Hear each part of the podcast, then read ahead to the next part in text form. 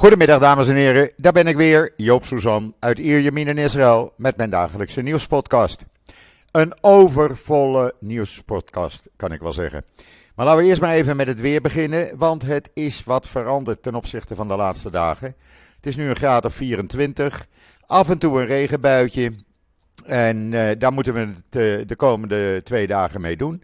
Donderdag uh, is het weer over en gaan de temperaturen weer 25, 27 graden worden. Uh, maar dat is vrij normaal voor de tijd van het jaar.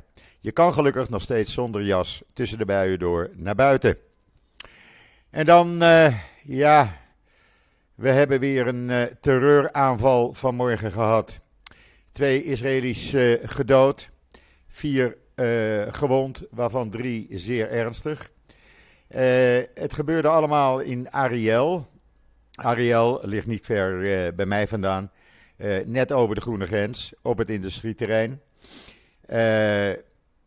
daar stak een Palestijn, een terrorist, een bewaker neer bij de ingang van het industrieterrein. de man raakte licht gewond. daarna stak een andere Palestijn drie mensen neer bij het uh, TEN benzinestation. Uh, voordat hij uh, met zijn auto vluchtte, botste op verschillende andere auto's op snelweg 5. die loopt vlakbij dat industriepark. Stapte uit die auto en stak een andere man neer, voordat hij werd neergeschoten. Volgens de MD, Mogain de Adom zijn er drie mensen met steek, steekwonden gewond geraakt. Waarvan uh, een man in de 40 in kritieke toestand. En een andere man van 40 in zeer ernstige toestand. Uh, premier Lapid heeft inmiddels ook een verklaring afgelegd. Uh, het is allemaal te lezen op israelnieuws.nl. Natuurlijk gaf dat de toekomstige rechtse, extreemrechtse Knessetleden en mogelijke ministers, ik noem even geen namen, uh, uh, aanleiding om te zeggen dat juist daardoor zij willen dat dat hard wordt aangepakt, terroristen, en dat iedereen, iemand die, die wordt verdacht terrorist te zijn, kan neerschieten. Ja, dat werkt natuurlijk niet. Maar goed, daar kom ik zo meteen op terug. En dan hebben we uh, Al in de problemen. Althans, in de problemen. Ze moeten een behoorlijk bedrag in Amerika betalen. Want uh, ze zijn uh, door Amerika beboet. ze zijn een van de zes luchtvaartmaatschappijen trouwens. Die zijn beboet wegens het te laat of zeer vertragend terugbetalen aan reizigers van wie de reizen waren geannuleerd. Uh, vanwege COVID. En uh, ja, dat pikken ze niet in Amerika. Uh, totaal moeten die maatschappijen een boete van 600 miljoen betalen, 600 miljoen dollar. El Al betaalt 61,9 miljoen aan boete. plus, of aan schadevergoeding aan passagiers. En een boete van 900.000 dollar. TAP uit Portugal 126,5 miljoen dollar en een boete van 1,1 miljoen. Air India 121,5 miljoen dollar terugbetalen en een boete van 1,4 miljoen. Air Mexico 13,6 miljoen en een boete van 900.000. En het uh, Colombiaanse Avianca moet 76,8 miljoen terugbetalen en heeft een boete van 750.000 dollar gekregen. Allemaal te lezen op israelnieuws.nl. En dan uh, heeft de IDF zeven terreurverdachten opgepakt. Maar dat niet alleen. Ook wapens werden gevonden en uh, eh, 12.500 dollar. Uh, dat is nogal wat. Het is allemaal te zien in een video in israelnieuws.nl. Uh, daarnaast bereidt uh, de IDF voor om het huis uh, met de grond gelijk te maken van de Palestijnse terrorist die onlangs een Israëlische man van 63 neerstak in een dorp op de westelijke Jordaanoever. zijn huis wordt met de grond gelijk gemaakt. Hij heeft het toch niet meer nodig. ja, dat is het risico. En dan moet de familie er maar uit. En dan de Ben Gurion Universiteit heeft nieuwe horizonten gevonden voor de productie van waterstof door zonne-energie. hoe ze dat doen, ja, ik kan het wel allemaal gaan uitleggen natuurlijk. Maar het komt erop neer dat het splitsen van water om groene waterstof te produceren, uh, dat heeft op dit moment twee nadelen. Het is tijdintensief en energie-intensief. Dus daar moet je een andere uh, manier voor vinden. Nou, die hebben ze dus gevonden op de Ben Gurion Universiteit. En dat gaat uh, enorme energiekosten sparen.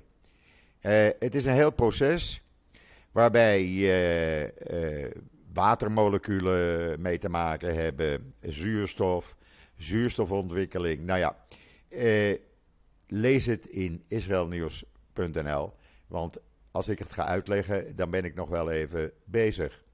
En we hebben nog veel meer nieuws, zoals de prijsuitreiking voor de operationele service award van de IDF. Die is aan allerlei eenheden en uh, soldaten toegekend gisteravond. Er staat een artikel met foto's, met een video van deze hele bijeenkomst. Dat is elk jaar weer een manifestatie en iedereen is uh, berentrots als ze zo'n uh, blijk van waardering en erkenning krijgen. Uh, vooral eenheden die betrokken zijn bij de, nog, de nog lopende Breaking Down uh, en Break the Wave operaties. Waarbij dus elke avond en nacht terreurverdachten worden opgepakt. Die zijn gewaardeerd geworden en geëerd geworden gisteravond. En dan iets heel bijzonders. Israëlische universiteiten hebben het oudste bewijs gevonden van gecontroleerd gebruik van vuur om voedsel te koken. Jawel, uh, de overblijfselen van een enorme, twee meter lange karper zijn geanalyseerd door de Hebreeuwse Universiteit en de Bar Ilan Universiteit in Tel Aviv, onderdeel uh, van de Tel Aviv Universiteit, in samenwerking met het Oranim Academic College in Oranim uh, en de Israëlische Oceanographic and Limnological Research instelling. Ook het uh, Historisch Museum in Londen deed eraan mee en de Johannes Gutenberg Universiteit in Mainz. Uh, het komt erop neer dat ze hebben nu bewijs dat er 780.000 jaar geleden tot 600.000 jaar geleden voedsel op vuur werd gekookt. en dat alleen maar door de overblijfselen van die enorme karper te analyseren. Hoe mooi is dat? Het hele verhaal kan je natuurlijk lezen, zou ik zeggen vanzelfsprekend, op israelnieuws.nl. En het is een fascinerend eh, verhaal. Toen ik het persbericht gisteravond doorkreeg, en daar staat een embargo op tot vanmorgen. Uh, ja, ik heb het ademloos zitten doornemen en ook tijdens het bewerken en uh, uh, plaatsen van het artikel kon ik mijn verbazing eigenlijk niet op. Ga het even lezen op uh, israelnieuws.nl. En dan is er in Israël een klein oproer losgebroken. En er zijn al oproepen gaande om te gaan boycotten. En dat gebeurt al. Uh, een van de belangrijkste voedselproducenten hier in Israël, gaat zijn prijzen verhogen met 4,5 tot 4,9 procent. En dan zal u zeggen van ja, oké, uh, dat wordt uh, in Nederland ook gedaan. Maar Tenuva, we hebben hier maar een paar voedselproducenten. En Tenuva is eigenlijk de belangrijkste. En wat er wordt verhoogd, dat zijn de belangrijkste dagelijkse producten, zoals de zuivelproducten.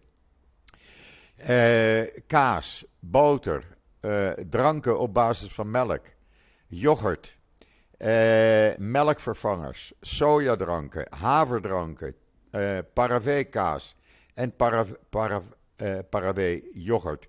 En dat is echt een enorme prijsstijging. En mensen hebben die producten dagelijks nodig. En ja, zegt de Nova, we kunnen er niets anders aan doen. Nou, zeggen de mensen, dan gaan wij boycotten.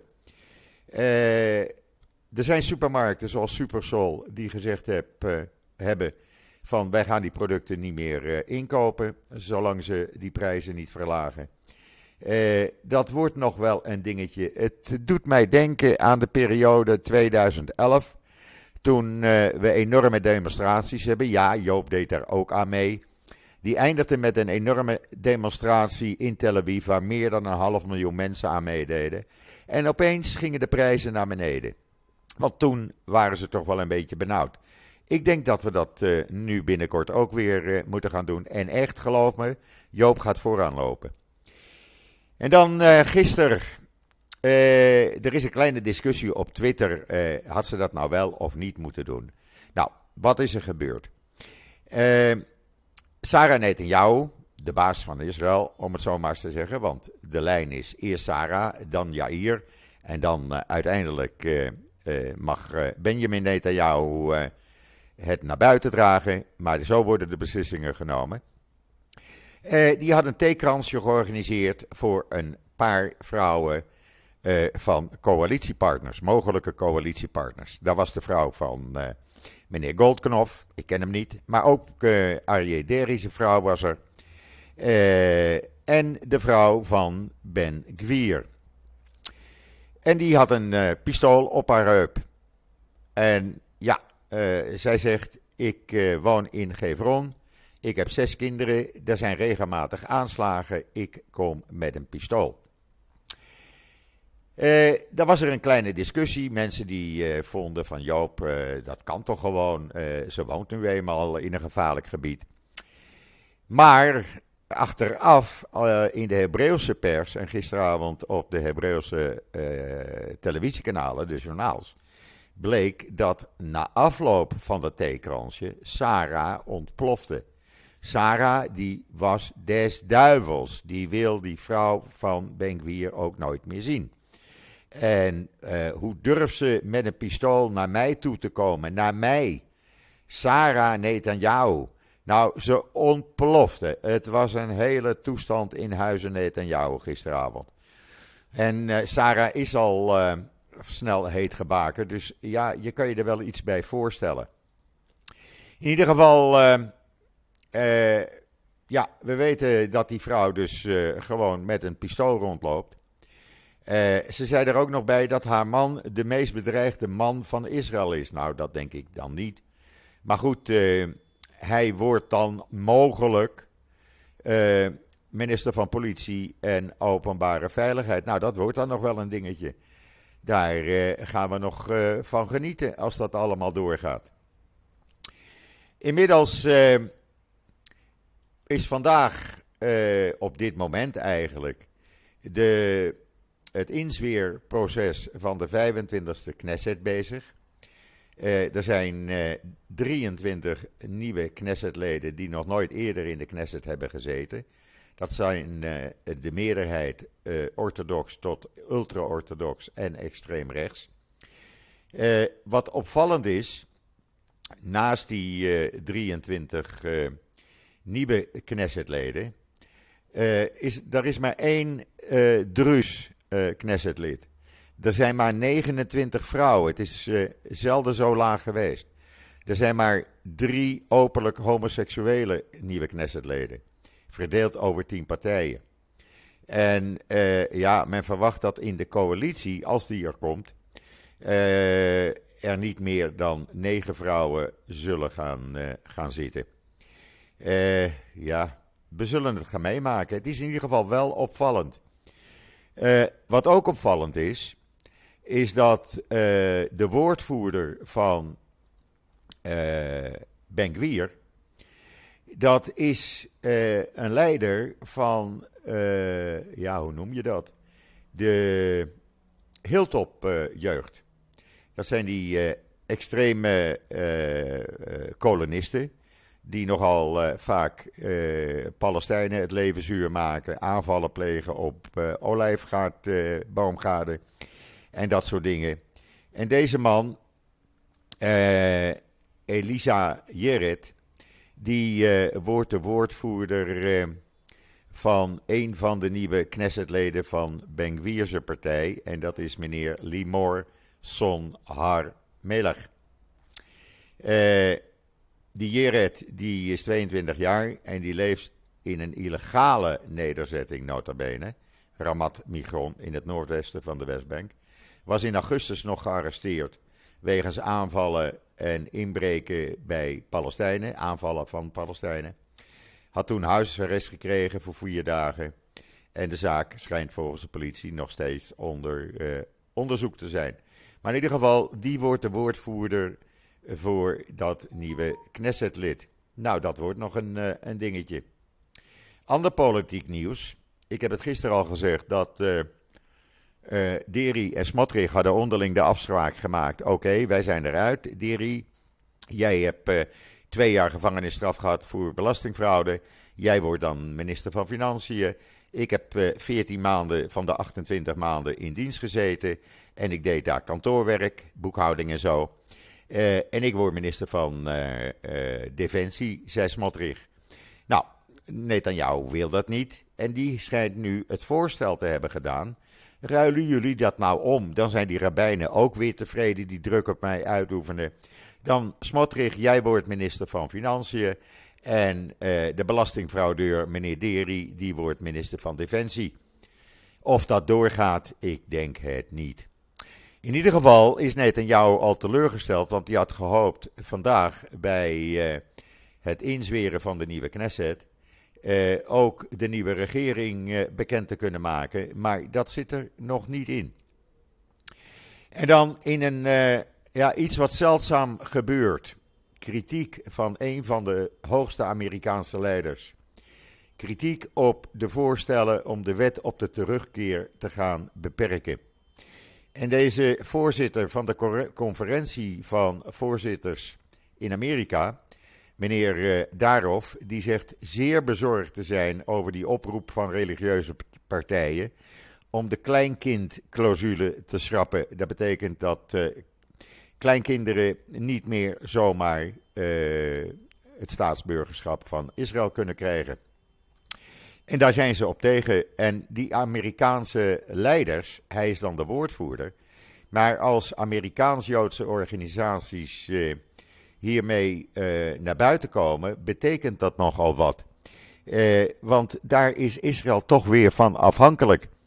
En ja, als dus een kleinkind, waarvan tenminste één Joodse groot, één grootouder Joods is, geen staatsburgerschap meer van Israël kan krijgen, dan hebben we nog een groot probleem met de Amerikaans-Joodse organisaties.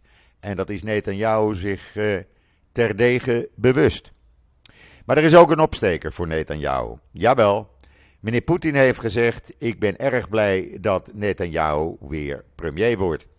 Maar, heeft hij erbij gezegd, volgens de Times of Israel: Het is te vroeg om nou al een kopje koffie samen te gaan drinken. Nou, dan wachten we nog even. Uh, ook koning uh, Abdullah trouwens heeft gezegd blij te zijn uh, met de verkiezing van Netanyahu. En heeft hem ook openlijk gefeliciteerd. Dus ook dat weten we. En dan zijn Israëlische liberalen en Israëlische LGBTQ-organisaties, oftewel de homo-organisaties in Israël, die zijn bezorgd over de nieuwe regering. Want die gaan ervan uit dat alle vooruitgang die de afgelopen kleine twee jaar is bereikt onder Lapid en Bennett. Eh, als de bieden weer terug wordt gedraaid, dat hebben de namelijk de orthodoxe partijen al gezegd. En eh, ja, dan, eh, dan voelen ze zich eh, minder vrij. En zij proberen er alles aan te doen om dat tegen te gaan. Want zeggen ze, als al het geld nu naar uh, yeshiva-studenten gaat, uh, en wij uh, in ons hemd worden gezet, ja, dan, dan is dat een enorme tegenslag.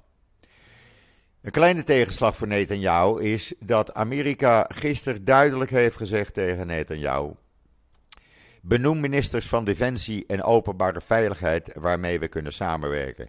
Met andere woorden, wij gaan niet samenwerken met Ben en al helemaal niet met Smotrich. Wij gaan daar geen geheime informatie mee delen.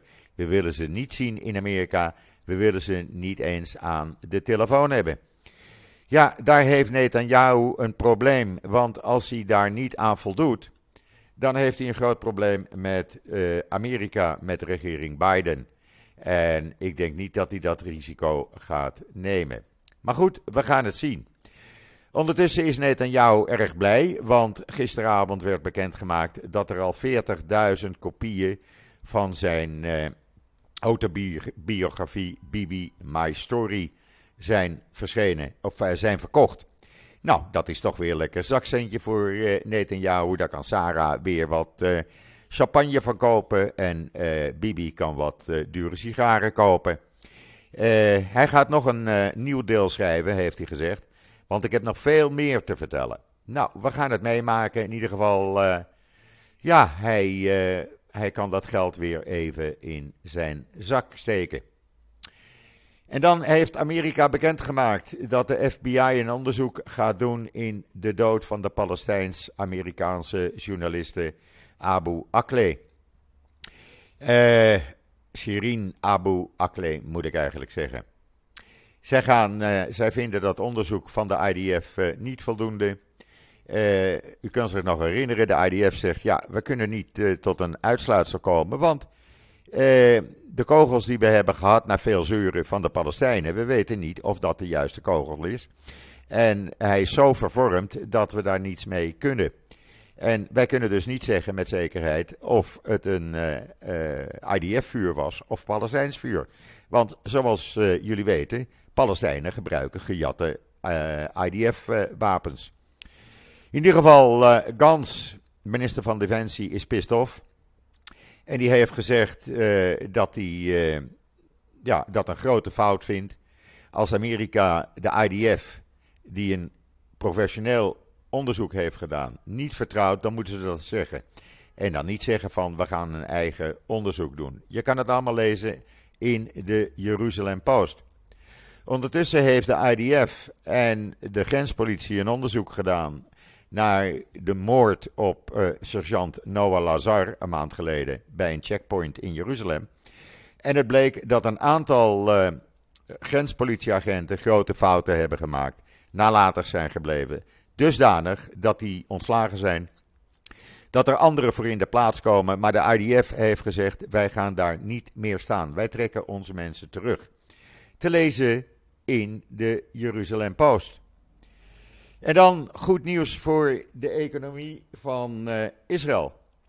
Want Standard Poor, oftewel S&P, hebben uh, bevestigd dat de AA-rating van Israël blijft. En ze verwijzen daarbij naar de rijke, veerkrachtige economie van Israël. Uh, men gaat ervan uit dat volgend jaar het uh, bruto nationaal product van Israël met 2% uh, eh, gaat groeien. Uh, dit jaar zou dat rond de 6% zijn. het kan volgend jaar zelfs 3% worden. Inflatie die staat maar op 4,6%. Ja, het zijn goede berichten ten opzichte van berichten in veel andere landen. En ik kan me voorstellen dat dan Standard Poor zegt: Nou, dan houden we de hoge rating. Een goede opsteking voor uh, de nieuwe regering als die er komt. En dan heeft, ondanks bedreigingen van uh, ja, mensen rond Rabijn Svitau, een tweede vrouw een verklaring bij de politie afgelegd dat zij ongeveer 30, 40 jaar geleden, toen ze nog jong en mooi was, is verkracht door deze belangrijke Rabijn Svitau touw. Eh, de eerste vrouw die wordt inmiddels bedreigd. Er is ook zwijgeld geboden wat ze geweigerd hebben. De, haar familie wordt nu bedreigd. Maar goed, zij is er toch vooruitgekomen. En uh, ja, deze rabbijn is invloedrijk, want die heeft ook nog net aan jou van advies gediend hoe deze regering samen te stellen. Allemaal te lezen in Times of Israel. En dan in de Engelstalige net een mooi verhaal. Want een Israëlisch echtpaar heeft uh, met een tussenpoze van een jaar uiteindelijk allebei een nier aan anderen geschonken. Omdat zij vonden uh, dat zij anderen daardoor het leven kunnen redden. Mooi. Uh, eerst heeft de vrouw het gedaan en een jaar later de man. En dat is bijzonder, ja, dat hoor je niet zo vaak. En daardoor kunnen twee andere mensen weer gezond en wel door het leven. En dan heeft het ministerie van Gezondheid bekendgemaakt dat in de laatste tien jaar het aantal ziekenhuisopnamen in Israël met 22% is gedaald. Uh, het, het werd, de daling werd groter aan het begin van de coronapandemie, toen er minder uh, operaties waren. Maar het was al aan de gang vanaf 2010. En dat is bijzonder. Uh, de gemiddelde duur van iemand die in het ziekenhuis ligt is gedaald naar 5,7 da dagen. Maar het is niet uitzonderlijk, want het gebeurt ook in andere OESO-landen. Eh, maar het is goed nieuws en het, uh, ja, het verlaagt de kosten voor de ziekenfondsen. En dan, ondanks dat ze de Netflix-documentaire had gezien van de Tintler-swindler. U weet wel, die meneer Simon Leviev, die al die vrouwen heeft opgelicht, is op Netflix te zien was het toch een 20-jarige vrouw die uh, met hem rond uh, ging. Ze vond hem wel interessant. Ze wou een BMW kopen. Hij zegt dan uh, kan ik een, voor een lage prijs een uh, nieuwe BMW Z4 cabriolet voor je kopen. Maar dan moet je me wel even geld geven. En dan koop ik tegen een gereduceerde prijs die auto voor je. Nou, dan weet je natuurlijk al waar het naartoe gaat. Het geld kan ze naar fluiten en ze heeft nu een aanklacht bij de politie ingediend. Ach, we zeggen maar, zo, never a dull moment in Israël. Eh, blijf mij volgen op uh, social media. Uh, Israelnieuws.nl, mijn nieuwsblog. Ik blijf doorgaan met het geven van nieuws van wat er hier gebeurt elke dag, elke uur, elke minuut. alleen ik heb jullie hulp echt nodig, mensen. De euro blijft dalen hier. En uh, ja, uh, geef af en toe een tip aan Joop. Dat kan via fooienpot.com. Fooienpot met een D. Uh, je kan het allemaal zien als je even terugscrollt op social media. Daar heb ik de links staan. En elke euro is welkom. En van elke 2 euro stort ik 50 eurocent bij het alleen, alleen kinderziekenhuis in de Negev en Jeruzalem die hebben ook wat geld nodig. Dus je stuur, steunt niet alleen mij, je steunt ook het Alleen Kinderziekenhuis. Alvast hartstikke bedankt. Dat brengt mij tot het einde van deze nieuwspodcast voor vandaag, november, 15 november 2022. Een beetje grijsachtige dag in Israël, maar toch niet koud. Ik ben er morgen weer en zeg zoals altijd: tot ziens, tot morgen.